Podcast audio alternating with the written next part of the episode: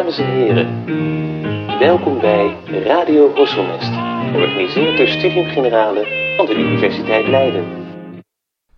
Beste luisteraars, welkom bij weer een aflevering van Radio Horselnest. Ik ben Norbert Peters van Studium Generale en vandaag pakken we de huifkar en betreden we Holder de Bolder het boerenerf om eens nader kennis te maken met twee dieren waaraan we zoveel te danken hebben: varkens en kippen. Daarvoor verwelkomen in de studio Sonja de Vries, diervoedingskundige en universitair docent dierwetenschappen aan Wageningen Universiteit. Met Sonja gaan we in gesprek over deze twee belangrijke dieren en praten we over de stoelgang van varkens en kippen, diervoeding en de fysiologie van het spijsverteringskanaal en de rol die veehouderij kan spelen in een duurzame toekomst van de landbouw. Sonja studeerde dierwetenschappen aan Wageningen Universiteit en in 2014 promoveerde zij met een proefschrift getiteld Fiber Fermentation in Pigs and Poultry, Sense and Nonsense of its Manipulation. En in 2017 ontving zij een Veni-beurs om onderzoek te doen naar duurzame diervoeding en specifiek naar de passage van het voer door het maag-darmkanaal van de kip. We zijn heel blij dat ze bij ons wil aanschuiven. Ik ben al bevriend met Sonja sinds de middelbare school. Toen al hadden we vaak lange gesprekken en na al die jaren lijken we nog steeds niet uitgepraat. Een terugkerend onderwerp in onze gesprekken is Sonja's onderzoeksgebied. In al die jaren spijkert ze mij bij op het gebied van veeteelt, veevoeding en wat dit ons vertelt over onze eigen voedingspatronen. Hoogste tijd om ons te verdiepen in een tak van wetenschap die van cruciaal belang is voor onze moderne samenleving. En bovendien gaat natuurlijk ook dierenliefde door de maag. Sonja, welkom. Dankjewel, Norbert.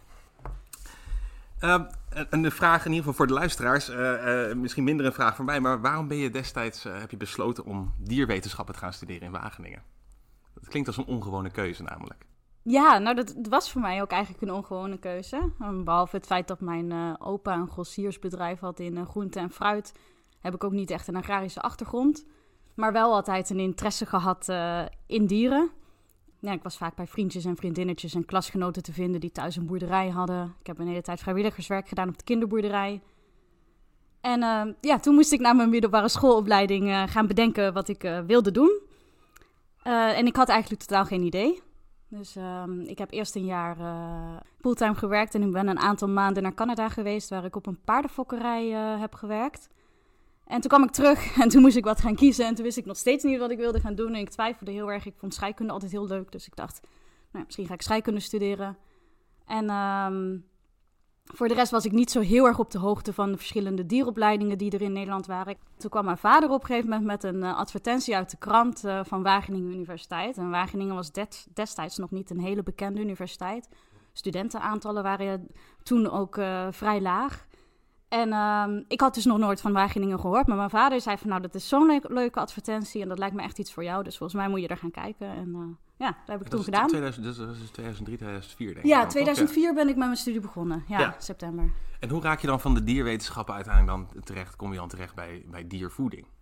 Dat is nog wel weer een aparte specialisatie natuurlijk ongetwijfeld binnen die dierwetenschappen. Ja, ja, en, en, en ik, ik, ik had ook eigenlijk nooit uh, heel erg het idee. Ik had ook niet specifiek interesse in, in diervoeding. Want in, het, in de dierwetenschappenopleiding krijg je in het begin wel vrij veel oriënterende vakken. Dus dan krijg je ook een, een basisvak in diervoeding. En dat vond ik toen niet heel bijster interessant. Dus ik had altijd het idee dat ik het anders ging doen. In mijn master heb ik uiteindelijk specialisaties gedaan in uh, fokkerij en genetica en in diergezondheid en, um, en welzijn dus ja, die diervoedingskeuze die was er eigenlijk niet direct. Ik heb toen wel een uh, klein afstudeervak, uh, een thesis bij diervoeding gedaan. En op die manier had ik daar contacten. En daar kwam een leuke PhD-vacature beschikbaar tegen de tijd dat ik ging afstuderen. Ja, ja, nee, dat, meestal, dat gaat meestal zo als je zo'n studie begint. Toch? Dat je dan aan, aan zo'n studie begint en dan vervolgens aan het einde van de rit denk je... oh, dit, dit ga ik doen. Maar dat had ik eigenlijk van tevoren helemaal niet gepland dat ik dat, ging, dat, ik dat überhaupt ging doen. En dierenwelzijn en dierenvoeding houden natuurlijk wel nauw verband uh, met elkaar.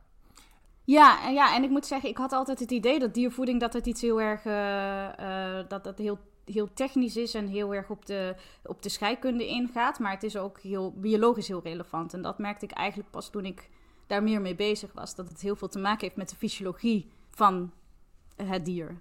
Dus dat, uh... Ja, precies. Dus je moet ook heel veel, je wil natuurlijk ook heel veel weten inderdaad over de biologie van het dier. Wil je überhaupt natuurlijk ook iets met die uh, diervoeding gaan doen? Ja. ja. En dan ga je een PhD doen en dan ga je bezighouden met vezelfermentatie. En, en überhaupt met vezels. En volgens mij schrijf je dat ook in, in, in, het, in het voorwoord. Er komt op een gegeven moment komt er, komt er veel eh, restproducten komen vrij, vezelhoudende restproducten die men wil gaan verwerken in diervoeding. Jij gaat eigenlijk kijken van, ja, hoe doe je dat? En hoe kan je dat eigenlijk doen? En wat, is, wat klopt er wel van, wat klopt er niet van? Zeg, je- vat ik dat heel goed samen? Volgens mij niet helemaal, maar Nou, nee, nee ik, denk het, ik denk het wel. Maar je moet er misschien even beginnen met eh, van wat zijn dan vezelrijke Ja, restproducten? Ja. hoe komen we daarbij? En ik Ja. denk dat dat te maken heeft ehm, met het feit dat als je eh, voedsel produceert, of ook als je brandstof maakt vanuit biomassa, dan komen daar, zijn er inherent, is het inherent aan het proces dat je er restproducten van hebt. mhm. Hè, dus als jij brood maakt, dan moet je graan verbouwen. En dan heb je bij de graanoogst heb je bijproducten zoals stro. Ehm, maar op het moment dat je dan de graankorrel gaat malen, heb je ook je, de resten van het malen. En er komen zemelen bij vrij. Ja, dat is eigenlijk een soort, het- wat er om de, om de, om de graankorrel heen zit. ja, dat vliesje vlies. eigenlijk, Ja. wat er omheen zit. eh, waar heel veel vezels in zitten. En waarvan ik echt een zeerste zou aanbevelen dat je daarvan af en toe een schepje in yoghurt doet. Ja, ja, ja, zeker. Maar ehm, ehm, die- die- dat, dat soort restproducten, dat zijn eigenlijk de restproducten waar we het hier over hebben. Eh, dat hoeft niet per definitie eh, graanrestproducten te zijn, maar dat kan alles wat te maken heeft met het verbouwen van, van voedingsgewassen zijn. Hè? Ja, en je noemt En- ook eh, volgens mij ook eh, brandstof, voor, voor brandstof is dat eh, de raapzaad, Ja, bijvoorbeeld. raapzaadolie. Ja, raapzaadolie. Nou, dan heb je een zaadje en, en daar wil je de olie uitpersen. ehm, en de rest van, van dat zaadje, dat noemen we dan de schroot, nadat de olie eruit is geperst. geperst. Dat is raapzaadschroot. En dat kun je voeren aan dieren. En hetzelfde doen we met sojaschroot of met zonnebloemzaadschroot, palmpitschroot. Dat zijn allerlei bijproducten die dus afkomstig zijn van, van, van andere processen en eh, oorspronkelijk een ander doel hebben gehad. En wat die producten in, eh, eh, gemeen hebben met elkaar is dat ze heel vaak een hoog vezelgehalte hebben. En zo komen we op die vezelrijke bijproducten. Ja, ja, en dan heb je daarbij specifiek gekeken naar ehm, vezels in de voeding van kippen en varkens. Ja, dat klopt. Ja. En dan moeten we misschien ook inderdaad even kijken, van, dus ten aanzien van maag-darmkanaal, dat was ook nieuw voor mij, dan, dan, dat, die, die zitten dan bij de groep de monogastrische dieren, eh, waar wij ook toe behoren. Eh, Ja, toch? Heb ik dat goed begrepen? Ja, Ja, ja, ja. En dat is één maag, maar kan je daar misschien, ja, kan je daar iets over vertellen? Wat, ja, wat nou, dat is, betekent dat? dat is grappig, want wij zeggen dus bij- voor kippen die vallen onder de monogastrische dieren eenmagige, maar die hebben eigenlijk functioneel gezien niet één maag. Oh, oké. Eh, die hebben er twee. Eh, maar maar de- de- als je het varken en de mens vergelijkt, dat is wat we echt noemen de, de, de, de simpele eenmagige. Dus dan heb je inderdaad gewoon een, eh, de maag zoals we die bij mensen ook kunnen. Dus een J-vormige maag als het ware. En dat is typisch voor dieren of mensen met ons dieet ook. Ja, wat dus een vrij, een omnivoor dieet is. Ook bij Ja. varkens. Ja, een omnivoor dieet met wel wat plantaardig materiaal, wat, waar we gedeeltelijk mee om kunnen gaan, maar niet bijvoorbeeld zoals een herkauwer die voornamelijk gras eet, die echt een hele grote pens nodig heeft om al dat plantaardig materiaal af te breken.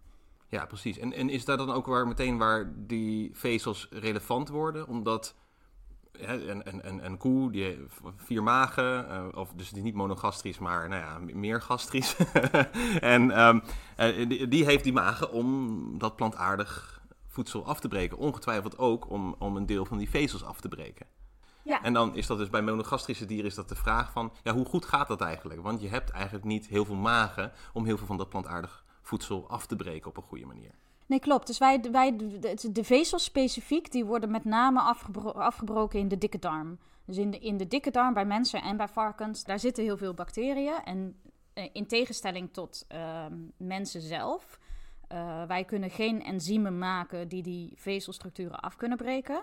Maar die bacteriën, die maken die enzymen wel. En die, die, die scheiden dus die enzymen uit. En die enzymen, die breken vervolgens die vezels af. En daar komen we dan ook bij de term fermenteren. Want dat, is, dat, dat noemen we fermentatie. Ja, en dat gebeurt dus alleen maar in de dikke darm. Gebeurt met name in de dikke darm. Ehm, het gebeurt tot op zekere hoogte ook wel in de dunne darm. Bij varkens nog iets meer dan, dan bij mensen. Want bij varkens is de dunne darm ook een stuk langer. En je moet je voorstellen dat dit soort processen zijn altijd een soort van resultanten van de goede condities hebben. Eh, dit moet typisch gebeuren in eh, een omgeving die vochtig genoeg is. Eh, je moet natuurlijk de, de juiste enzymen aanwezig hebben. Je hebt vaak een bepaalde pH die nodig is voor, voor processen om plaats te vinden.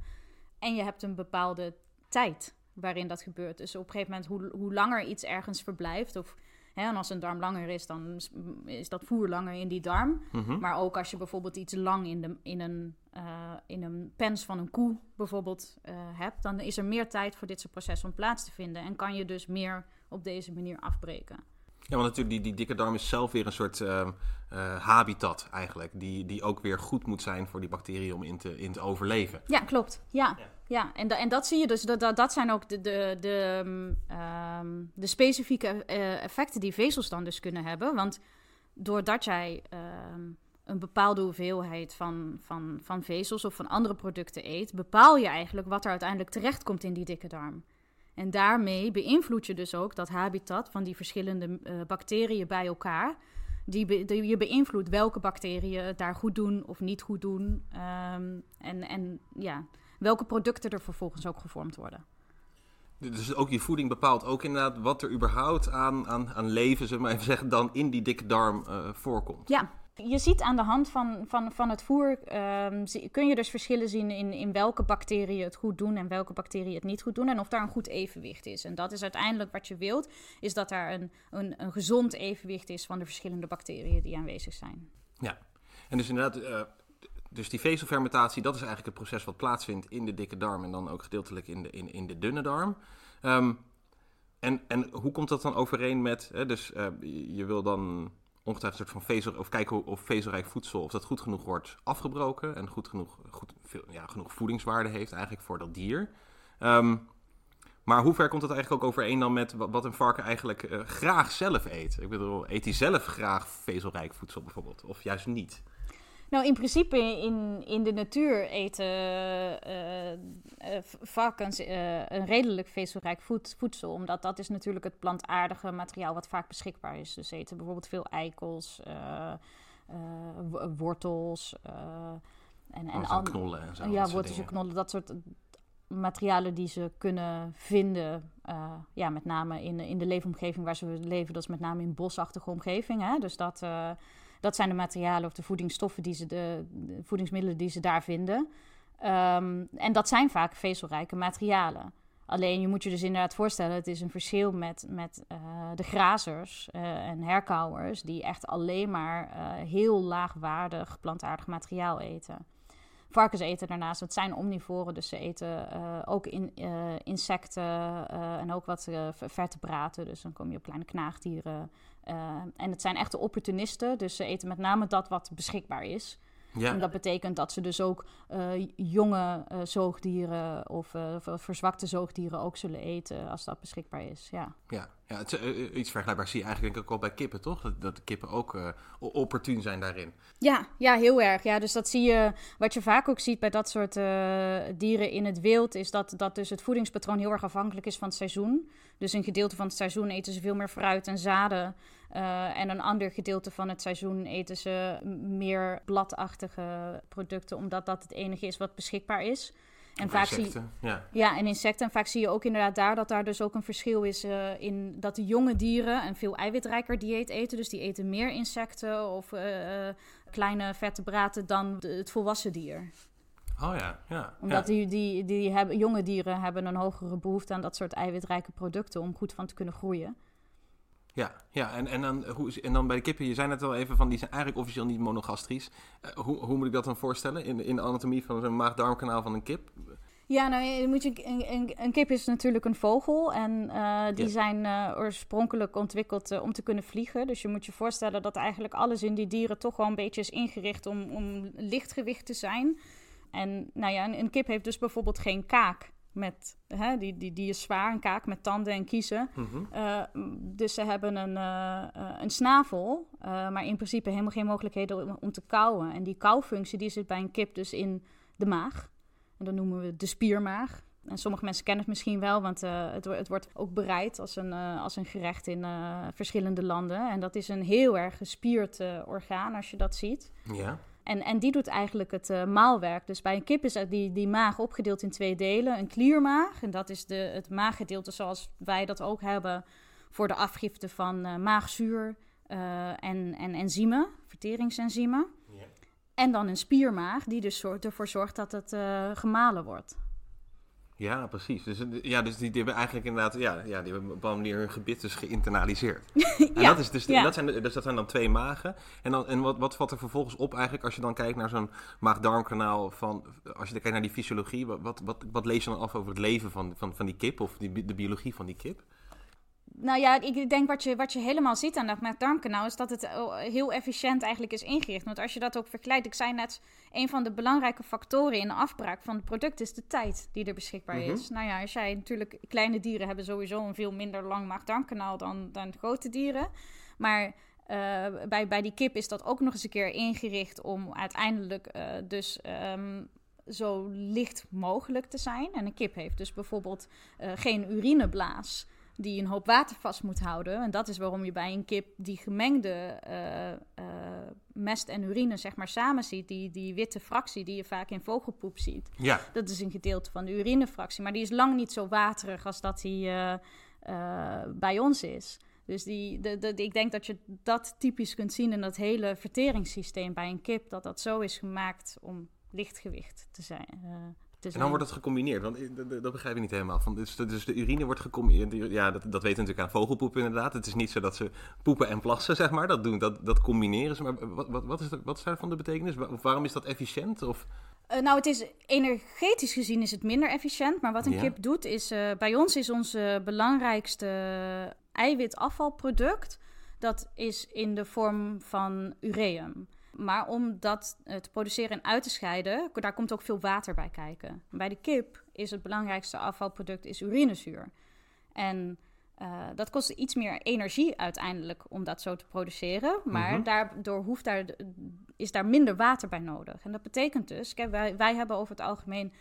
Ik, ik weet niet wat de inhoud van het volume van de blaas van de mens is. Maar we hebben een bepaalde hoeveelheid volume water in onze blaas zitten. Eh, wat we met ons meenemen. En een kip heeft dat niet. Ja, precies. Ja, ja. En de, de, de- voor de afgifte daarvan heb je gewoon heel veel water, überhaupt heel veel water nodig. Ja, En dat heeft die kip op een bepaalde manier, die heeft niet al dat, al dat water nodig om Ja. het af te voeren. Ik Ja. heb ook geen idee wat de inhoud is. Ik bedoel, na een avondje bier is het, is het volgens mij twee liter of zo. meer. Maar niettemin, eh eh, ja. En, en, maar bij de varkens zie je dan eigenlijk dat het veel meer lijkt op wat, wat je bij de mens aantreft qua Ja. maag-darmkanaal. ja, Dus die hebben ook een, die, bijvoorbeeld, die hebben ook een blaas, die hebben natuurlijk helemaal niet die, die, die menging daarvan. Kan ik me zo voorstellen. Ja, en daar zie je dus eigenlijk een vergelijkbare, eh, zie je daar een vergelijkbare fysiologie? Kan je dat heel erg naast de mens leggen, hoe, hoe, dat, hoe dat met Ja, elkaar denk- overeenkomt? Ja, nou, ik denk in, in, in ieder geval als je kijkt naar het maag-darmkanaal, dat is eh, eh, vergelijkbaar. Wat ik zei van Mhm. de dunne darm is wat langer, maar qua- qua functie en qua processen die daar plaatsvinden, is dat heel goed vergelijkbaar. Eh, de, de dikke darm, eh, daar vinden we wel wat verschillen in de eh, bacteriën die daarin zitten. Maar de- voor een groot gedeelte is ook de functie daar, daar vergelijkbaar. En als je dan bijvoorbeeld daar gaat kijken naar de kip, bij de kip is, zit dat heel anders. Want de kip heeft eigenlijk maar een heel kleine, dikke darm, zoals, zoals wij dat hebben. Mhm. Maar die hebben blinde darmzakken, de CK. En dat zijn dus eigenlijk een soort van. ehm, eh, ja, ja echt, een, echt een soort van zak waarin dus die, die bacteriën zitten en in die fermentatie plaats kan vinden. Maar die heeft dus niet zo'nzelfde lange darm zoals dat wij dat hebben, waarbij het bij ons misschien soms wel 48 uur in die dikke darm kan blijven zitten Ja, omdat die darm ook een bepaalde lengte en een bepaald volume heeft. En bij die kip is dat dus vervangen door iets wat niet meer een eh, proces is wat continu daar doorheen stroomt, maar wat daar eigenlijk in een soort van eh, soort tijdelijk- eigenlijk plaatsvindt. tijdelijke opslag, eh, als het ware. Ja, ja.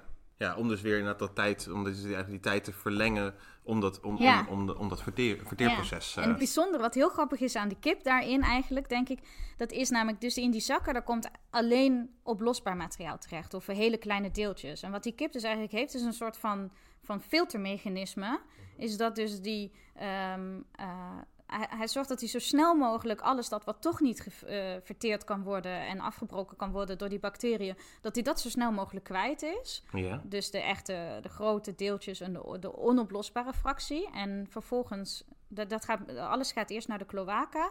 En dan zie je dus dat die, ehm, die delen die niet, toch niet verteerd kunnen worden, die worden meteen uitgescheiden. En de oplosbare fractie gaat daar samen met, met de urine, die komt ook in de cloaca terecht, gaat samen met de, eh, met de urine, wordt teruggetransporteerd naar die CK, die blinde darmzakken.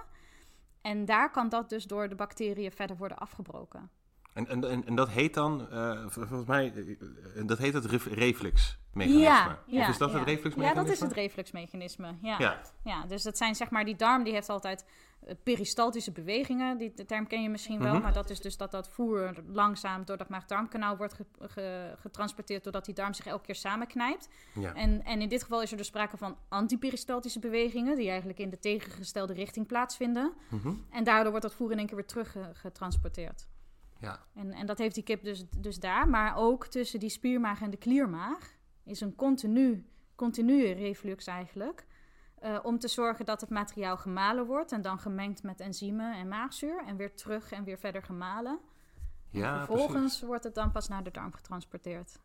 Ja, dus daar zit inderdaad ja, dus een continue reflux in de zin van dat zijn eigenlijk soort communicerende vaten, waarbij je dus inderdaad de hele tijd eh, totdat dat goed genoeg is verteerd en dan mag het weer en dan mag het richting de exit, zeg maar. Ja, nou, nou dan mag het naar de dunne darm waar het verder verteerd wordt. Ja. Ja, ja, Ja. ja. ja. ja. want je, je schrijft dan op een gegeven moment ook, of dat, dat, dat vertelde je mij volgens mij een keer, van ja, je kan eigenlijk dat maag-darmkanaal ook op een bepaalde manier als een soort tweede brein zien.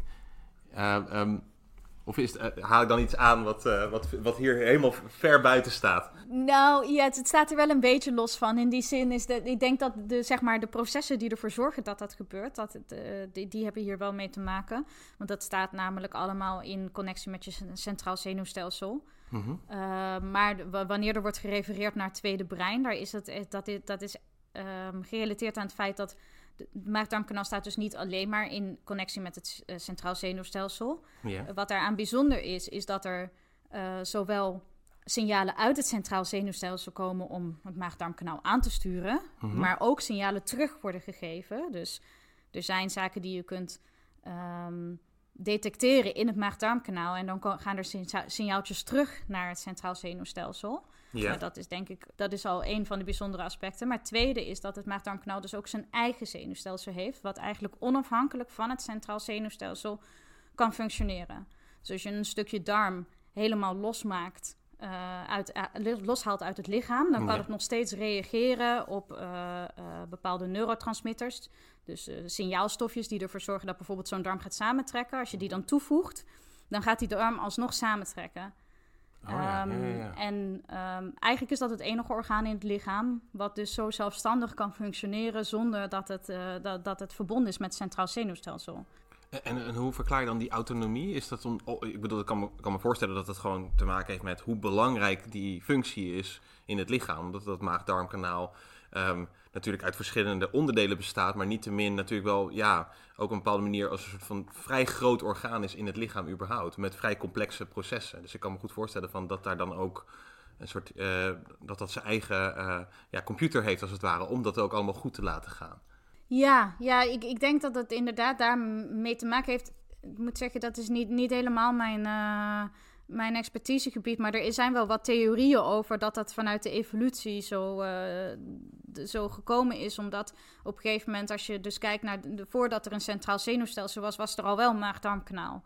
Ja, en het idee is van daar, daar was een, een bepaald zenuwstelsel omheen gebouwd. En vervolgens is pas later in de evolutie het eh, centraal zenuwstelsel ontstaan. Maar omdat die, eh, dat maag-darmkanaal dus altijd zo'n belangrijke functie heeft, want het is essentieel voor het voortbestaan van het organisme, Ja. eh, is dat eigenlijk altijd bestaan gebleven. En heeft het daardoor een soort van aparte, eh, is het onafhankelijk van het centraal zenuwstelsel blijven bestaan.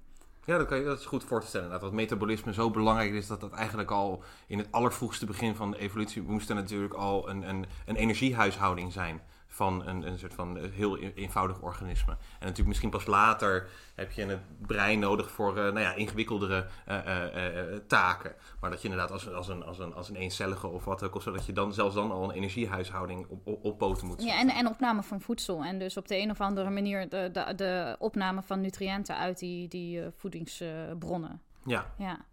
Ja. En, en een- ja, de, de second brain refereert eigenlijk met name ook naar dat je dus bepaalde signalen uit dat maag-darmkanaal, dat je die, ehm, eh, dat, dat die naar de hersenen worden, eh, hè, aan de hersenen worden doorgegeven. Mhm. En dat er op die manier dus een heel, heel communicatiekanaal is, als het ware.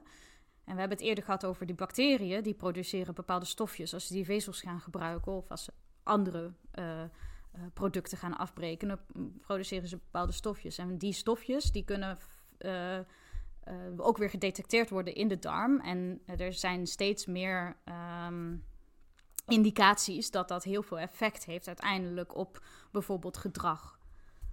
En mentale gesteldheid. En mentale gesteldheid, ja. ja. ja.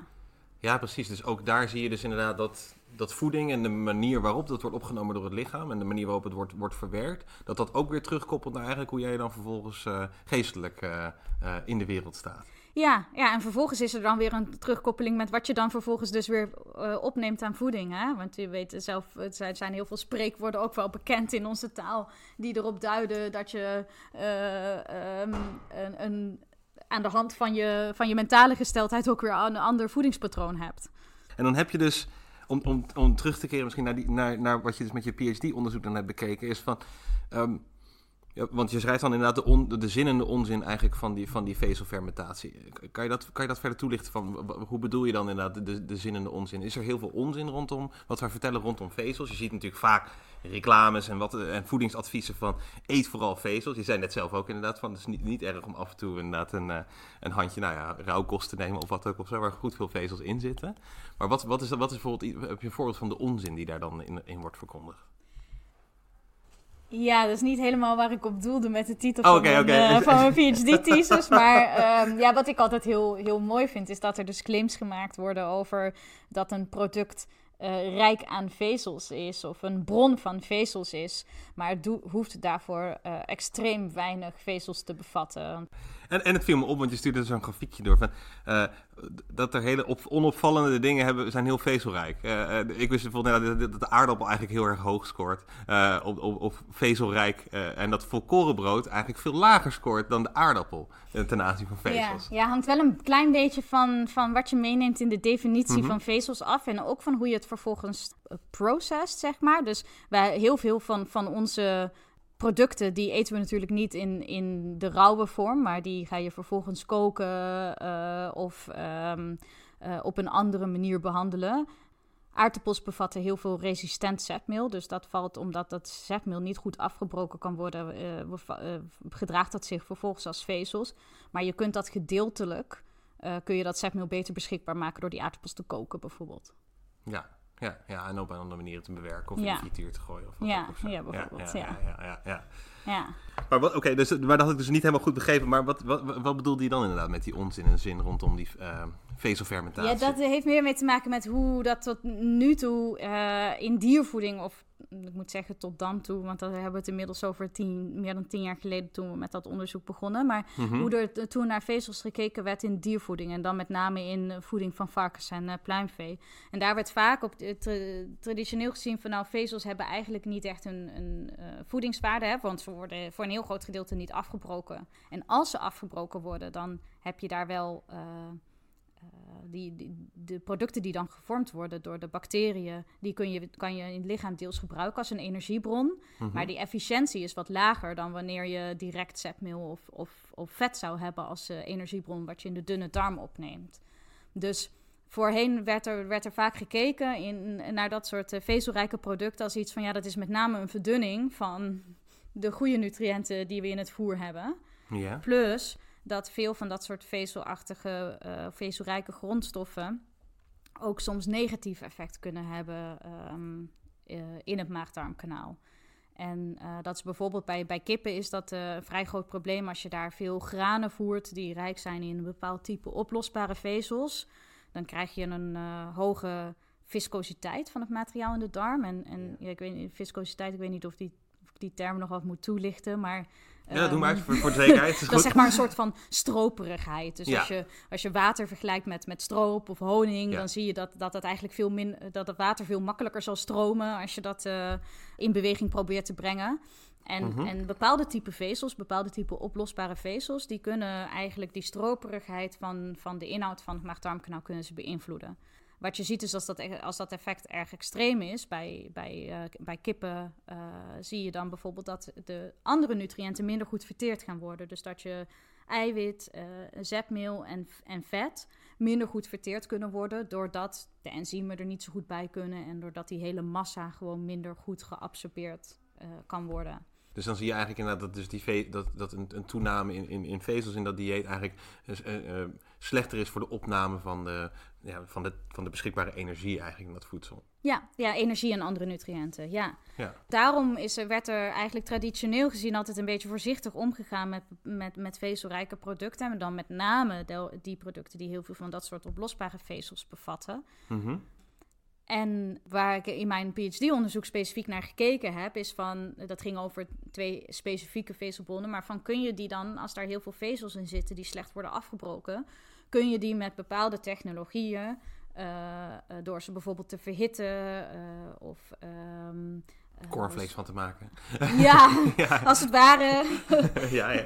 Ehm, do- door, daar, door, daar dan, eh, door die beter afbreekbaar te maken. En, en de, de Mhm. sense en non-sense of its manipulation, dat, dat eh, eh, sloeg eigenlijk op het feit dat we vrij weinig effecten hadden gevonden voor dat soort vezels.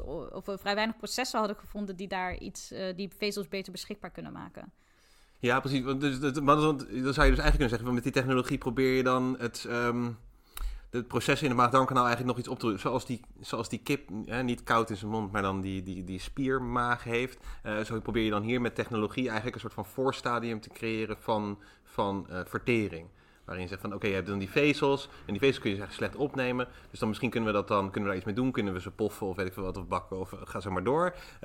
Zodat het dan uiteindelijk niet voor die viscositeit zorgt. Niet voor eigenlijk een vermindering van die opname van nutriënten. Ja, ja, en we keken hier specifiek naar eh, twee bijproducten, eh, agrarische bijproducten. Eh, en een daarvan daar hadden we het eerder over gehad, bijvoorbeeld het raapzaadschroot. Dus het Mhm. bijproduct van, van raapolieproductie. En, en wat je ziet met die raapzaadschroot is dat er hele moeilijk afbreekbare vezels in zitten.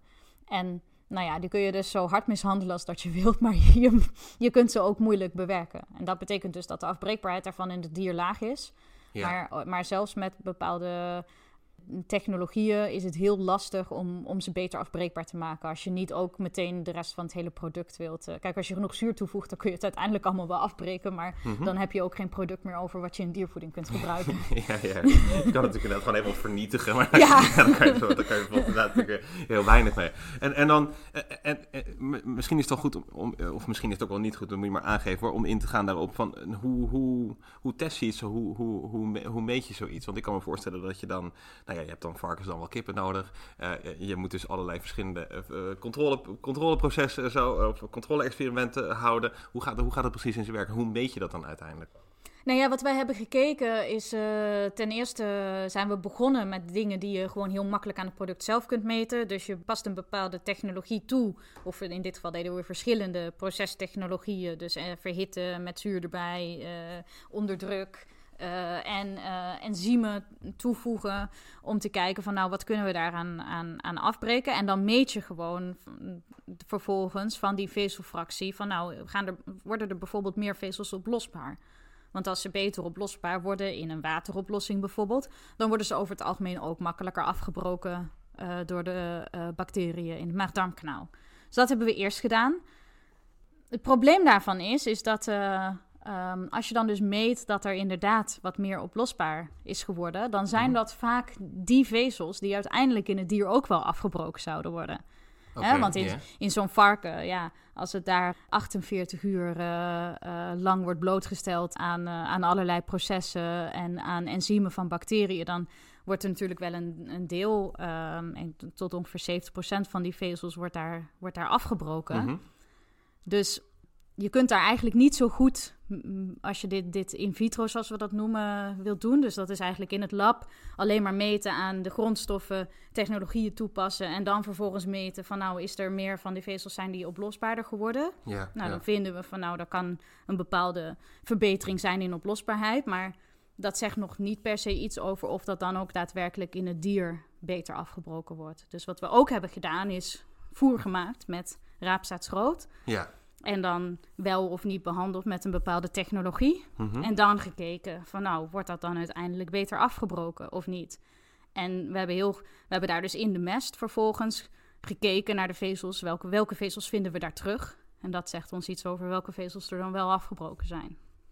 Ja, en waarom is het wenselijk om meer vezelrijk voedsel aan te bieden aan, aan, aan kippen en aan varkens?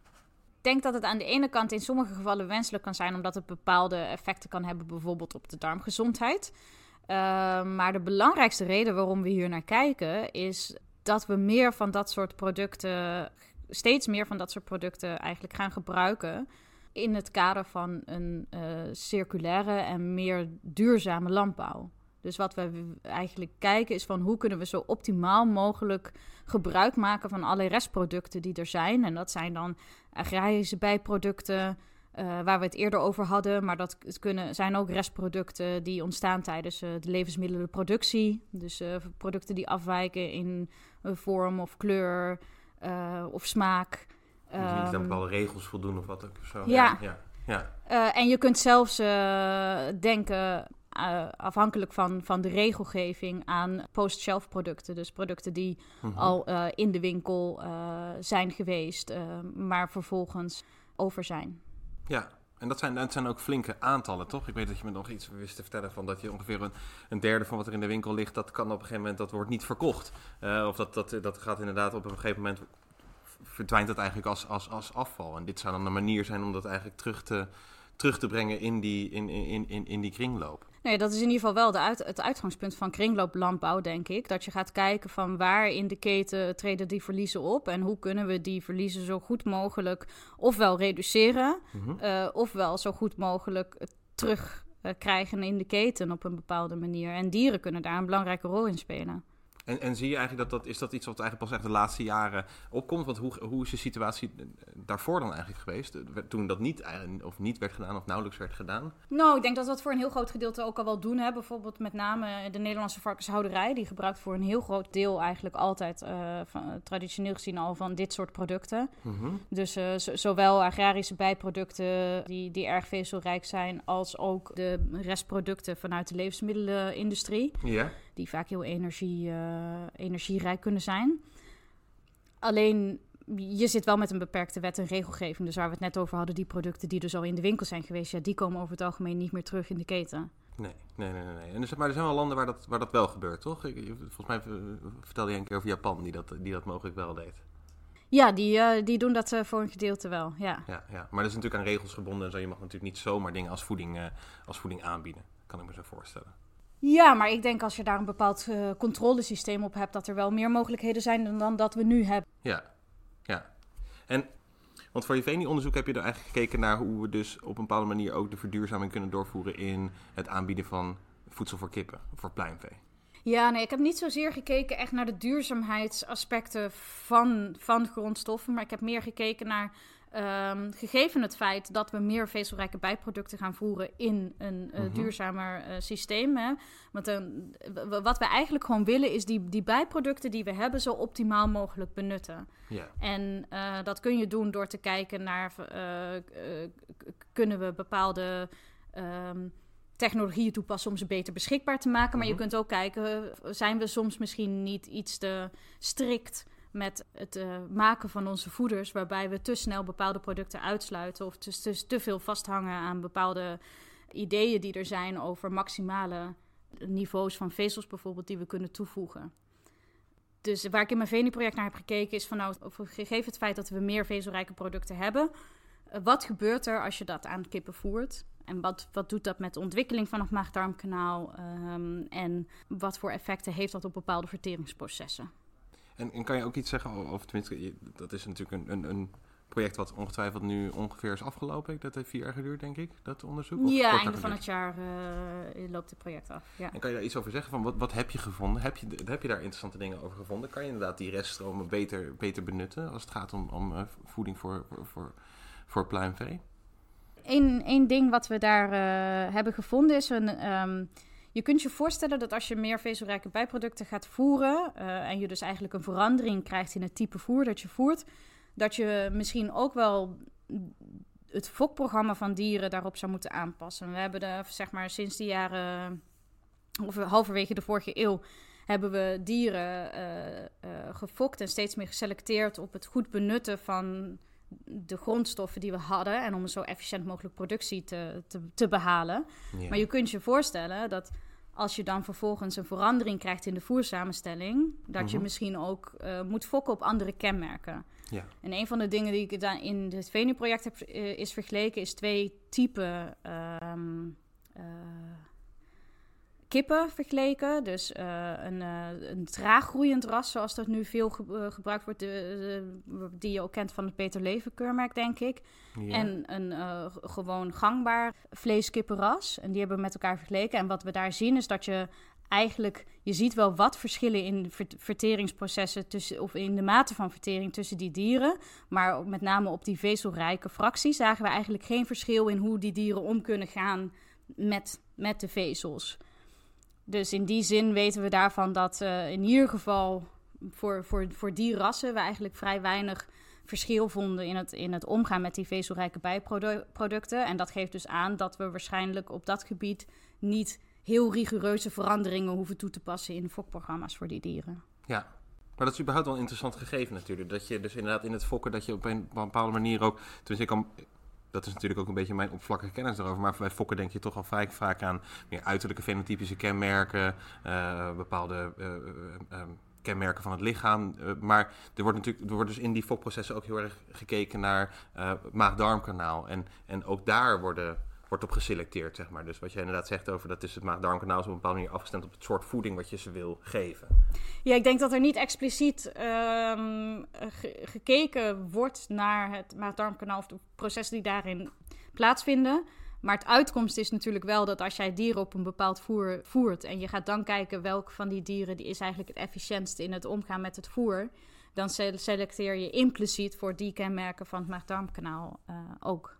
Wat we dan denk ik, ik bedoel, ik ben, eh, ik, ik ben geen eh, geneticus en geen expert op het gebied van, van, van fokkerij en genetische kenmerken. Maar wat ik denk dat je met name ziet, is dat er vrij weinig variatie is, genetische variatie in de verteringsprocessen die plaatsvinden in de dunne darm. Dus ehm, ik denk dat je, dat, je, dat je daar tussen rassen ook vrij weinig variatie vindt. Maar wat we met name weten is dat die bacteriën die in de darm zitten, waarvan we eerder hebben, over hebben gehad dat die erg belangrijk zijn voor het afbreken van, van vezels, die zijn voor een gedeelte erfelijk. En ja, daarmee kun je dus potentieel verschillen krijgen in hoe goed dieren vezels af kunnen breken als eh, daar een verschil is in de bacteriën die je vindt in de darm. En recentelijk heb je een, een, een, hoofdstuk geschreven samen met Hanna van Zanten en Yvonne Wientjes voor de bundel 10 miljard monden. Ehm, wat, eh, het gaat over de, toek- de toekomst ehm, eh, van de voedingsindustrie. Hebben jullie een hoofdstuk geschreven, dier in de kringlooplandbouw en voederefficiëntie naar systeemefficiëntie. En da- dat begint eigenlijk met een soort van situatieschets van na de Tweede Wereldoorlog, wat er eigenlijk... ehm, is, is bedacht. Daar noemt ook, wordt ook Sico Manshold nog eh, genoemd. Die eigenlijk de gedachte had van er moet nooit meer honger eh, zijn in Europa. Hè. We moeten eigenlijk de honger uitbannen. Dus we moeten zo, zo, zoveel mogelijk kijken naar een, eh, een efficiënt systeem waarin iedereen voeding kan krijgen. En eigenlijk recent zie je dat daar een soort omslag in zit. Kan je daar iets meer over zeggen? Nou, ik denk dat uh, je, je, ziet dat in zowel uh, het Nederlandse en Europese beleid als, als in de maatschappelijke discussies die plaatsvinden. Maar uh, we maken ons steeds minder zorgen over het feit of we wel voldoende voedsel hebben binnen Nederland en Europa. Maar ik denk dat er zeker nog plaatsen op de wereld zijn waar, waar daar nog heel veel zorgen over worden gemaakt. Maar, maar, we zijn ons steeds meer bewust van het feit dat, dat um, productie ook zo'n kosten heeft. En dat het belangrijk is om uh, op een verantwoorde manier gebruik te maken van de bronnen die we, de natuurlijke bronnen die we beschikbaar hebben. Ja. En, en dat zie je dus, uh, wat, wat wij in dat hoofdstuk hebben beschreven, is van nou, er is uh, na de Tweede Wereldoorlog heel erg ingezet op schaalvergroting en, en productie-efficiëntie. En ik denk dat ons dat heel veel geleverd heeft, want productie-efficiëntie is ook als je kijkt naar het duurzaam en uh, verantwoord gebruik maken van hulpbronnen, is natuurlijk efficiëntie een hele belangrijke factor. Want alles wat, wat, wat, wat um, efficiënter benut wordt, hè, dat, dat komt er bijvoorbeeld ook niet meer uit uit het dier uh, in de vorm van, van bepaalde emissies of meststoffen. Dus efficiëntie is daar heel erg belangrijk geweest. En, en ik denk, in Nederland zijn we daar over het algemeen ook heel goed in. Ja. Maar je ziet dat er nu steeds meer een bewustwording is van... Um, is, is dat een, een houdbare en duurzame situatie? Of zijn er dingen die op een andere, zijn er andere factoren waar we rekening mee moeten houden? En hoe kunnen we die, die hulpbronnen zo optimaal mogelijk gebruiken? Ja, ja, precies. En we hebben natuurlijk daar al, eh, al aardig wat voorbeelden van, uh, van langs gekomen. Van het raapzaad, raapzaad schroot en, en, en, en andere restproducten eigenlijk. Um, maar je zou natuurlijk sowieso kunnen zeggen dat hè, er, gaan, er zijn ook best wel veel stemmen, ook in Europa, die toch uh, de hele tijd proberen uh, te benadrukken dat juist eigenlijk de, de, de bio-industrie en, en, en um, het fokken van dieren, dat het eigenlijk juist op een bepaalde manier zou moeten worden uitgebannen of juist iets is wat totaal niet uh, duurzaam is. Dus ergens is er een soort van gekke of lijkt er zo'n gekke disbalans waar je inderdaad zegt van je wil eigenlijk een verduurzaming inderdaad van die industrie. Maar tegelijkertijd zijn er ook heel veel stemmen die zeggen ja, maar het is eigenlijk helemaal niet duurzaam om, bijvoorbeeld vleeskippen te houden of wat ook of zo. Daar, daar, dat hoort helemaal niet bij dat duurzaam, duurzaamheidsverhaal. En daar lijkt jullie hoofdstuk eigenlijk tegen in te gaan. Ja, ik denk om, om de, wat wij daar proberen te schetsen is dat dieren een belangrijke rol kunnen spelen in het uh, benutten eigenlijk van verschillende restproducten die we, die we hebben. Dus we hebben het eerder gehad over bijvoorbeeld als jij brood produceert, dan heb je daarbij een hoop restproducten. Mm -hmm. Bijvoorbeeld uh, stro of zemelen, uh, mm -hmm. die wij niet, niet allemaal zo consumeren. Ja. Um, die je anders zou weggooien? Die je anders zou weggooien. En uh, daar kunnen dieren een belangrijke rol spelen in dat benutten. En dat is hetzelfde als er, er is een... Herkauwers bijvoorbeeld kunnen op een hele goede manier graslanden benutten. Mm -hmm. Waarbij er ook een gedeelte van dat soort grond vaak anders niet benut zou kunnen worden. Dus die kan niet gebruikt worden voor de teelt van, van gewassen. Er is een bepaald deel aan, aan dat soort gronden in de wereld die we niet op een andere manier kunnen benutten. En dan kunnen herkauwers een hele goede rol spelen in het verwaarden van die, de grondstoffen op dat land. Ja, ja. Ja, precies. Want het leidt eigenlijk inderdaad. Ik bedoel, en daar, daar hoor je natuurlijk ook al steeds meer over in de media. Van hè, dat uh, uh, uh, vleesconsumptie heeft een enorme ecologische voetafdruk. En er wordt, gaat een enorm veel. nou ja, op allerlei manieren wordt daar vaak juist gezegd van dat dat niet duurzaam is. Maar wat ik juist wel mooi vond aan dit verhaal. En dat jullie eigenlijk laten zien van nee. Op het moment dat je een, inderdaad meer naar een meer duurzame of meer kringlooplandbouwachtig systeem wil, dat, dat, dat daar eigenlijk uh, veeteelt een enorm belangrijke rol in kan spelen. Omdat je eigenlijk juist anders gewoon veel meer uh, moet weggooien. Veel meer afval eigenlijk overhoudt. Ja. Vat ik dat zo goed samen? Ja, dat denk ik wel. En dat wil natuurlijk niet zeggen dat er helemaal geen andere bestemmingen zouden kunnen zijn voor, de, voor dat soort uh, producten. Maar ik denk dat het een hele logische manier is om, om, om dieren dit soort producten te laten benutten. Met name ook omdat dieren uh, toch uh, vaak een, go een, goede bron kunnen zijn van, van, van bepaalde nutriënten die of in mindere mate of in een niet goed beschikbare vorm in planten aanwezig zijn. Ja, ja dan komen we ook op het, op het vlak van, van, voeding inderdaad. Want kan je, kan, je, kan je dat uitleggen, kan je daar een voorbeeld van noemen? In hoeverre is inderdaad bijvoorbeeld een dierlijk product, is dat hoogwaardiger qua, nou ja, voor, voor, voor onze voeding dan bijvoorbeeld een plantaardig product? Ja, nou, dat, dat, verschilt natuurlijk heel erg, uh, heel erg per, per product. Maar wat ik denk dat belangrijk is, is dat daar in, ieder geval in, in meegewogen wordt, is wat de beschikbaarheid van, van bepaalde nutriënten in producten is. Dus um, als je bijvoorbeeld kijkt naar eiwit, uh, uh, dierlijke producten zijn over het algemeen hoog in eiwit. Mm -hmm. uh, en dat is een belangrijke voedingsbron voor, voor de mens. Ja. Plantaardige producten kunnen die eiwitten ook leveren. Maar de, de vraag daarbij soms is ook van nou, wat, wat is de beschikbaarheid van het eiwit? Dus we hebben het heel veel gehad over de processen die plaatsvinden in je maag-darmkanaal. Mm -hmm. Nou, sommige bronnen zijn beter afbreekbaar. Daarvan is het, wordt het eiwit beter verteerd en afgebroken dan van andere bronnen. En je, je kunt ook kijken naar uh, niet alleen het totaal eiwit, maar dat eiwit is opgebouwd uit kleine bouwsteentjes. Die noemen mm -hmm. we aminozuren.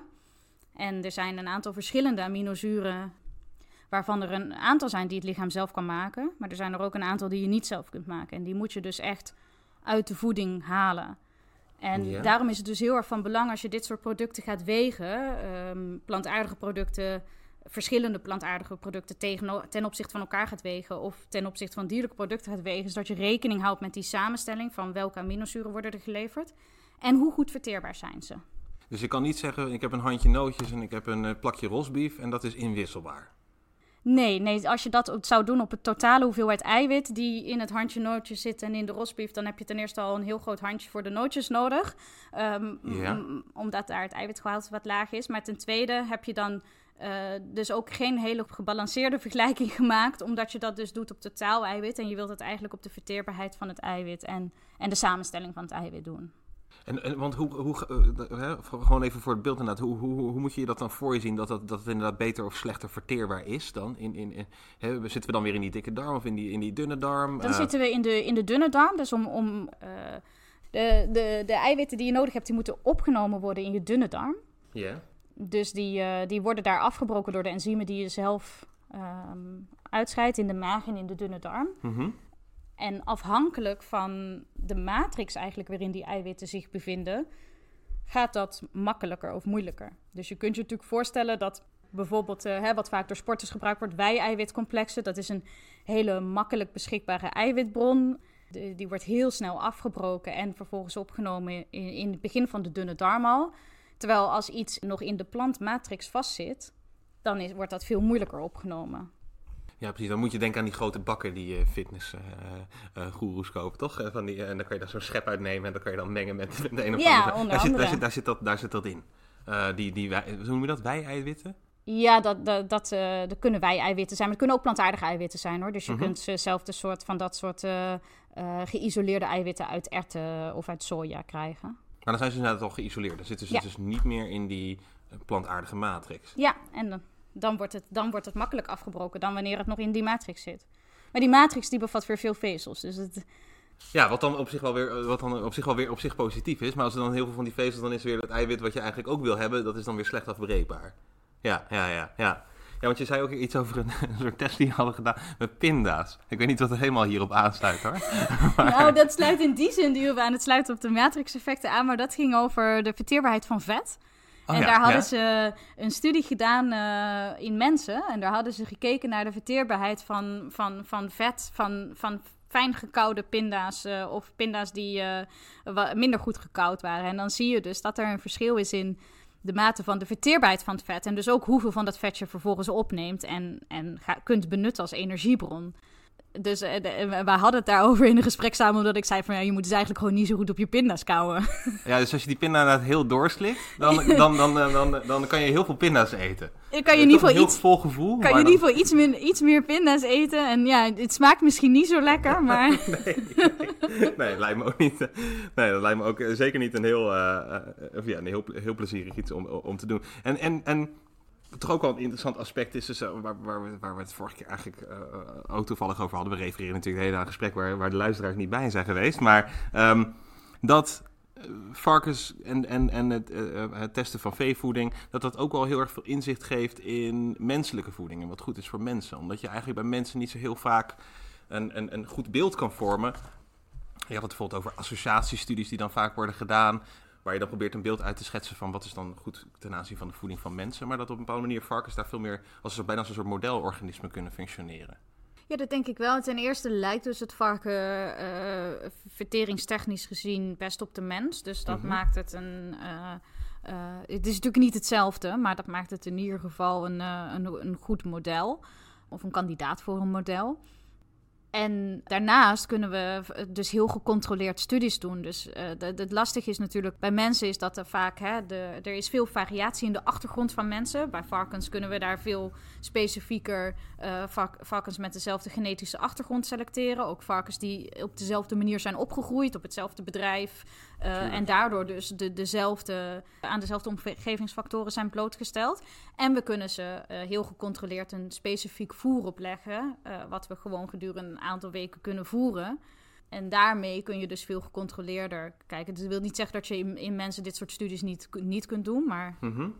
vaak is dat wel lastiger. Dus daar, in, in die zin kun je dus de, het varken als een model gebruiken voor sommige doelen, voor, om conclusies te trekken over voeding in de mens. Ja. Kun je daar iets van noemen? Van, of kan je daar iets over, eh, over uitbreiden? Van wat, wat, wat, voor, wat voor conclusies zou je daar bijvoorbeeld uit kunnen trekken? Of zijn er uit te trekken?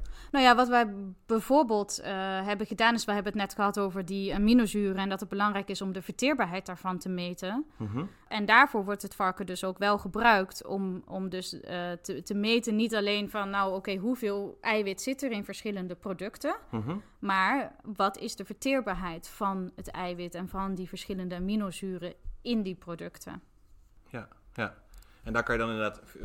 En, en, en dat zou je dus kunnen extrapoleren. En daar zou je ook iets over kunnen zeggen dan ten aanzien van mensen, omdat er zo'n grote Ja, dit, dit, zijn studies die, die, worden, eh, die worden gedaan ten behoeve van mensen. Omdat we gewoon. eh, eh, kijk, hier is dat belangrijk omdat we vaak voor bepaalde groepen mensen, bijvoorbeeld oudere mensen, beter willen kunnen inschatten. Of, hè, ze bepaalde, of ze vo- voldoende nutriënten binnenkrijgen. Of welke voedingsmiddelen je met name aan zou moeten bieden. om ehm, die mensen een gezond, de, juiste voedingssamenstelling te geven. Alleen, maar je kunt je bijvoorbeeld ook voorstellen dat in, in andere delen van de wereld, waar eh, voedsel überhaupt schaars is, dat Mhm. het heel, heel zinvol is als je weet eh, wat exact de voedingswaarde en wat de kwaliteit is van eh, bijvoorbeeld de, de eiwitten die je vindt in die producten. Want dan kan je veel beter een gericht advies geven over welke producten en hoeveel pro- van dat product mensen moeten opnemen. precies. Om dus inderdaad tot een juiste samenstelling te komen. Ja, je, Ja. je, je zei toen inderdaad ook van dat op een bepaalde manier eet een kip veel gezonder dan dat wij eten. Eh, in, een pluimvee, in een pluimveehouderij. Ja, nou ja, ik, zei, ik, ja, ik zeg altijd, zeg ik eigenlijk altijd dat ik denk dat de gemiddelde kip en, het varken in Nederland beter te eten krijgen dan dat de meeste mensen zichzelf te eten geven. In de zin van dat we, wat daar gedaan wordt, is dat er heel eh, specifiek wordt gekeken naar wat is de behoefte van die dieren. Dus wat hebben ze nodig in termen van, van, van eiwit, aminozuren, eh, energie, maar ook vitamine en mineralen. En zij krijgen dus een voeding die elke dag aan hun behoeftes voldoet.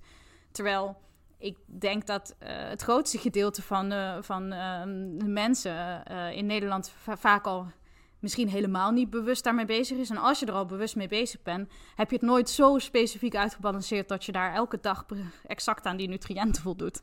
Ja, ja. Probeer het voor mezelf af en toe wel eens uit te rekenen. En dan probeer ik een en ander te balanceren op, eh, op dagen. Maar het is heel lastig om dat helemaal exact goed te doen. Ja, en stel je, eh, eh, wat, zou je, wat zou je wel bijvoorbeeld aanraden? Het gaat, het gaat natuurlijk heel erg buiten jouw vakgebied. Het Ja. gaat natuurlijk over diervoeding en vooral over wat, wat dieren zo al eten. Maar wij zijn ook een dier, en niettemin eh ook een zoogdier. Eh, hè, d- d- want bijvoorbeeld voor mij is dat ook af en toe lastig hoor. Van bijvoorbeeld vlees, zeg maar bijvoorbeeld, eh, wat is het, anderhalve ons per dag. Maar dat kan je natuurlijk ook vegetarisch zou dat kunnen opvangen met weer andere eh, eh, voedingsstoffen. Eh, ja, hoe krijg je daar een beter beeld van? Hoe kan je daar een beter beeld van vormen? Ja, dat vind ik heel lastig, want je, je komt dan echt op het niveau dat je eigenlijk eh, etiketten moet, eh, moet gaan lezen. Of eh, eh, je kunt daar natuurlijk ook apps voor gebruiken tegenwoordig. Maar zelfs dan heb je dus bepaalde informatie daar niet op staan, want daar staat wel de, de eiwit, totaal eiwit op, maar, maar niet de verteerbaarheid van het eiwit, ofwel de aminozuur samenstelling. Ja, ja. Ehm, wat ik denk dat, dat belangrijk is, is ehm, dat eh, je hebt al snel voldoende om je energiebehoeften te dekken. Tenzij je heel extreem sport. Dus over het algemeen hoef je je daar niet zo'n zorgen om te maken. Dus dan is het denk ik... eh, hoog- Zeker in een land als Nederland inderdaad. Zeker ja, in een land ja, als. Nederland. Dus voldoende variatie in producten werkt denk ik al om... eh, voldoende groente en fruit helpt heel erg om te zorgen dat je eh, van eh, eh, vitamine, mineralen voldoende binnenkrijgt. Ehm eh, groenten ehm, en bepaalde graanproducten helpen om te zorgen dat je voldoende vezels binnenkrijgt. Ja, ja. Ja. En een kleine hoeveelheid vlees, tenminste als je dat, als je dat prefereert. Dat is natuurlijk eh, ook eh, aan de keuze. Maar ja, Radio Horsenest ook voor uw dieetadviezen natuurlijk. Eh, niet, eh, niet, eh, niet geheel onbelangrijk, nee, nee, nee. nee, nee. Maar ehm, om terug te keren inderdaad op, op dat verhaal van eh, uit, die, uit die bundel 10 miljard monden inderdaad. Dus eigenlijk, eigenlijk laat je daar, laten jullie daar zien dat eh veedieren extreem goed zijn eigenlijk in het, in, in het verwerken van afval. Al klinkt dat misschien een beetje gek om dat afval te noemen, omdat eigenlijk daar dus nog hele hoogwaardige eh, nutriënten en vezels en andere belangrijke voedingsstoffen in zitten. Want het afval laat een beetje, lijkt een beetje denigerend van, oh, dan mogen ze ons afval eten, eh, de dieren. Maar eigenlijk eh, laten jullie wel zien dat ze daarmee een hele belangrijke rol kunnen vervullen. Wat nou misschien niet zo naar voren is gekomen, is zeg maar ook het, het rekenwerk wat aan dat hoofdstuk een beetje ten grondslag ligt. Het is een, eigenlijk een conceptueel model van stel nou dat je alleen maar dieren gaat voeren op restproducten en graslanden. Wat ga je dan zeg maar produceren? Want je kunt dan natuurlijk kijken van oké, als we ons huidige consumptiepatroon nemen en je gaat gewoon zeggen van oké, dan moet ik dus zoveel procent rundvlees en zoveel procent melk en, en kippenvlees en eieren gaan produceren dan gebruik je eigenlijk minder. eh, Dan, dan, dan krijg je op een gegeven moment zeg maar een, bepaalde hoeveelheid restfractie die niet gebruikt wordt. En als je dus dat model zo gaat instellen dat je zegt van oké, maar ik moet niet gaan produceren wat een, wat een vaste ratio is, maar ik laat dat helemaal los. En ik ga proberen mijn bijproducten zo goed mogelijk aan die dieren te voeren, dan krijg je dus een verschuiving van het consumptiepatroon. Hè? Dan komt daaruit van, nou, dan moet je, ga je heel veel zuivel eh, produceren. En, en varkens zijn heel goed in het benutten van, van nattere bijproducten en zo. Dus dan, eh, dan... Maar je, die optimalisaties kun je op honderd manieren doen. Dus het is een beetje lastig om daar heel hard conclusies aan te verbinden. Maar het geeft in ieder geval aan dat je, zeg maar... Dat zijn hele belangrijke keuzes om met elkaar te maken, zeg maar. En daar, dat kan ook heel erg in, in beleid betekenen dat, dat er moet gestuurd moet gaan worden op het veranderen van het consumptiepatroon van de mens. Ja. Om dus te zeggen van oké, we, gaan, we gaan niet meer dat produceren waar de vraag naar is, maar we gaan dat produceren wat we denken dat zo goed mogelijk de behoeften van mensen kan dekken. En dan gaan we Ja. die dierlijke producten, die gaan we waarderen naar de waarde die ze hebben in, in de termen van, van hè, de verteerbare aminozuren of eh, vitamine B12 of ijzer wat ze kunnen leveren.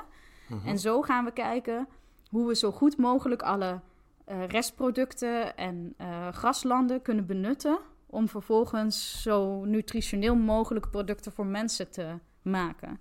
Maar dat vraagt dan dus een verandering in het consumptiepatroon van mensen. Ja. En het vraagt ook om een andere optimalisatie op het niveau van, van, van diervoeding. Dus Ja, want je Hè? ziet natuurlijk heel veel eh, landen nu eh, staan met, met maïs, die vaak voor diervoeding eh, wordt gebruikt. En ook aan, op andere manieren wordt akkerland gebruikt eh, voor diervoeding. Zou dat dan anders moeten worden ingevuld? Zie je dan ook inderdaad, moet er ook een soort van verschuiving komen dan bijvoorbeeld waar je in de landbouw op, op gaat letten? Of, Nou ja, dat, dat is, dat is inherent eigenlijk aan dat systeem wat in het ho- boekhoofdstuk staat beschreven. Daar wordt gezegd van we gaan eigenlijk alleen nog maar graslanden en, en reststromen gebruiken om dieren te voeden. Mhm. De vraag is of, of dat een heel reëel systeem is of dat het efficiënter kan zijn om wel bepaalde hoogwaardige gewassen te gebruiken. Hè. Het zou kunnen betekenen dat als je misschien een klein deel aan granen gebruikt, dat je veel beter alle reststromen kunt benutten. Ja. Nou, dan zou je daar misschien voor moeten kiezen om toch een gedeelte granen te gebruiken. Maar het uitgangspunt is wel van nou, probeer dat dier zoveel mogelijk te gebruiken om, om die restproducten te, te benutten. Ja. En, en wat voor rekenmodellen moet je, moet je dan bij, eh, wat moet je daarbij dan bij denken? Hoe, hoe maak je, of ja, dat, is, dat gaat misschien iets te ver, maar ik, ik kan me ook wel voorstellen dat mensen dan denken van rekenmodellen. Wat- Hoe bedoel je rekenmodellen? Dat, ehm, eh, hoe, hoe, hoe gaat het dan? Waar kijk je naar? Kijk je dan naar hypothetische situaties? Dat je zegt van, nou stel dat we bijvoorbeeld eh, veel meer inzetten op dit soort gewassen, of veel meer inzetten op zuivelindustrie, of veel meer inzetten daarop, dan kunnen we dit soort veranderingen bewerkstelligen. Nee, dat is met, dus de, de modellen die door de dierlijke productiesystemen groep zijn ontwikkeld, die zijn eh, in principe zo ingericht dat ze dus als, als, als input die reststromen en graslanden gebruiken en vervolgens kijken van nou, wat kun je daar aan dierlijke producten van, van, van produceren. Ehm, en je kunt daar natuurlijk variaties in aanbrengen, dat je gaat zeggen van oké, we gaan hè, onze huidige eh, dieren gaan we altijd uit van een bepaalde productie-efficiëntie die we willen behalen. Maar je kunt natuurlijk op een gegeven moment zeggen van oké, we accepteren een lagere efficiëntie in productie. Als dat betekent dat we eh, wel meer restproducten kunnen gebruiken. Hè? Dan heb je ook lagere voerkosten. En uiteindelijk kun je dan efficiënter gebruik maken van alle grondstoffen die je samen hebt. Ja. Ehm, Wat, maar zou je, dat, wat zou dat betekenen bijvoorbeeld voor dier dan? Voor het varken of de, de kip in, de- in, in dit geval? Dat, hij dan bijvoorbeeld met minder dat het minder gaat om hoe snel die groeit of iets dergelijks Ja. of zo? Of? ja, dat zou dat betekenen. De vraag is natuurlijk uiteindelijk, want dat is, de, dat is dus waar we, hoe we uiteindelijk op, deze, op dit punt terechtkwamen, is denk ik van nou, wat zou je hier in het vervolg nog aan willen doen? Nou, wat wij dus in het- de ideeën zijn om nu in het vervolg hier naar te gaan kijken, is van als je dus die restproducten en gaslanden gaat gebruiken om, om dieren te voeren, wat is dan het meest effectieve scenario? En is dat dus alleen maar die producten gebruiken? Of moet je een klein deel van, van eh, hoogwaardige grondstoffen gebruiken? Of misschien een gedeelte synthetische aminozuren toevoegen? Maar ook, eh, hoe moet het consumptiepatroon van mensen er dan uitzien? Maar je wilt ook specifiek kijken, inderdaad, van nou, ja, wat betekent dat uiteindelijk echt voor het rantsoen dat ik voor het dier kan formuleren? Ja, En tuurlijk. stel ik dan dezelfde eisen aan dieren? Dus we hebben het eerder gehad over van nou, moeten die, die fokprogramma's, zou, zou je daar eventueel in moeten veranderen? Moet je dieren op, op andere kenmerken selecteren. Um, er komen ook, ook andere vragen bij, denk ik, van nou, uh, hè, in, varkens, in, de, in de Nederlandse varkenshouderij hebben we bijvoorbeeld een gedeelte van de varkens die uh, gevoerd krijgen. Dus die krijgen als het ware natvoer ge, ge, gevoerd. En dat maakt het dus heel erg geschikt om natte bijproducten die van sommige processen afkomen te verwerken. Maar je kunt je natuurlijk afvragen of je in andere diersoorten op een gegeven moment niet ook dat soort veranderingen in, in voersystemen zou, zou moeten hebben. Of dat je op een andere manier producten kunt gaan verwerken om te zorgen dat ze toch in veevoer gebruikt kunnen worden. Ja, ja. Dus dat is eigenlijk de volgende stap, is kijken van nou, um, hoe kunnen we nou zeg maar vanuit dit theoretische framework dat je dieren met name op bijproducten uh, restproducten wilt gaan voeren. Hoe kunnen we dat concreet maken en wat betekent dat concreet voor voersamenstellingen en de eisen die we stellen aan dieren en aan de dierhouderijsystemen? En ik denk dat het heel goed is in ieder geval om, om te beginnen um, om dit op een systeemniveau uh, te benaderen, zeg maar. Want dat is natuurlijk ook iets wat we traditioneel gezien uh, niet hebben gedaan. Is, er is heel veel gericht op productie-efficiëntie en dat is dan vaak op bedrijfsniveau. -hmm. En dat betekent dus dat we op een gegeven moment bijvoorbeeld als je echt specifiek naar voeding kijkt, dan wordt er gezegd van oké, dit is wat het dier nodig heeft aan voedingsstoffen. En dan doe ik een least cost optimization. Dus uh, ik probeer tegen zo laag mogelijke kosten die voersamenstelling, in, of die nutriënten eigenlijk te krijgen. En dat bepaalt dan welke grondstoffen er gebruikt worden om een voer samen te stellen. En dan afhankelijk van de prijs van, van de grondstof op dat moment zullen er soms wat verschuivingen zijn in de samenstelling van dat voer. Maar uiteindelijk kun je je natuurlijk voorstellen dat als je denkt op systeemniveau, dan kan het op een gegeven moment efficiënter zijn om te zeggen van ik ga niet altijd de, uh, de behoefte voor die meest efficiënte productie nastreven, maar ja. ik geef gewoon die behoefte voor het dier dat hij iets minder efficiënt groeit, maar hè, nog steeds um, voldoende nutriënten binnenkrijgt. -hmm. En vervolgens kan ik dan andere grondstoffen gaan gebruiken om dat voer voor die dieren te maken. En dan kun je bijvoorbeeld meer laagwaardige grondstoffen, vezelrijke bijproducten in het voer gebruiken, dan wanneer je altijd streeft naar die, naar die uh, meest optimale productie. Met als resultaat dat je efficiënter je restproducten kunt benutten, maar ten tweede dat je ook lagere voerkosten hebt ik denk dat het dus denken naar, naar, het, naar het systeem denken en het denken van wat is uiteindelijk het doel van die. Dus we willen die dieren gebruiken om restproducten te benutten. Ja. En we willen dus zo efficiënt mogelijk voedingsstoffen voor mensen produceren. Als je dat als uitgangspunt neemt en je gaat dan aan de knoppen draaien, ja. Dan denk ik dat je uiteindelijk een duurzamer systeem kunt creëren dan um, wanneer je alleen maar uh, op uh, bedrijfsniveau blijft kijken. Ja. Ja. En alleen maar kijkt inderdaad naar de omzetting van uh, voeding naar bijvoorbeeld ja. vlees of eieren of zuivel of wat ook of zo. Ja. ja. Lijkt me een mooie afsluiting van deze podcast. Ik wil je hartelijk danken voor je, voor je aanwezigheid. Dankjewel dat ik hier mocht zijn. En de luisteraars thuis natuurlijk ook hartelijk dank en tot de volgende keer. Dit was weer een aflevering van Radio Horselnest. Dank u voor het luisteren.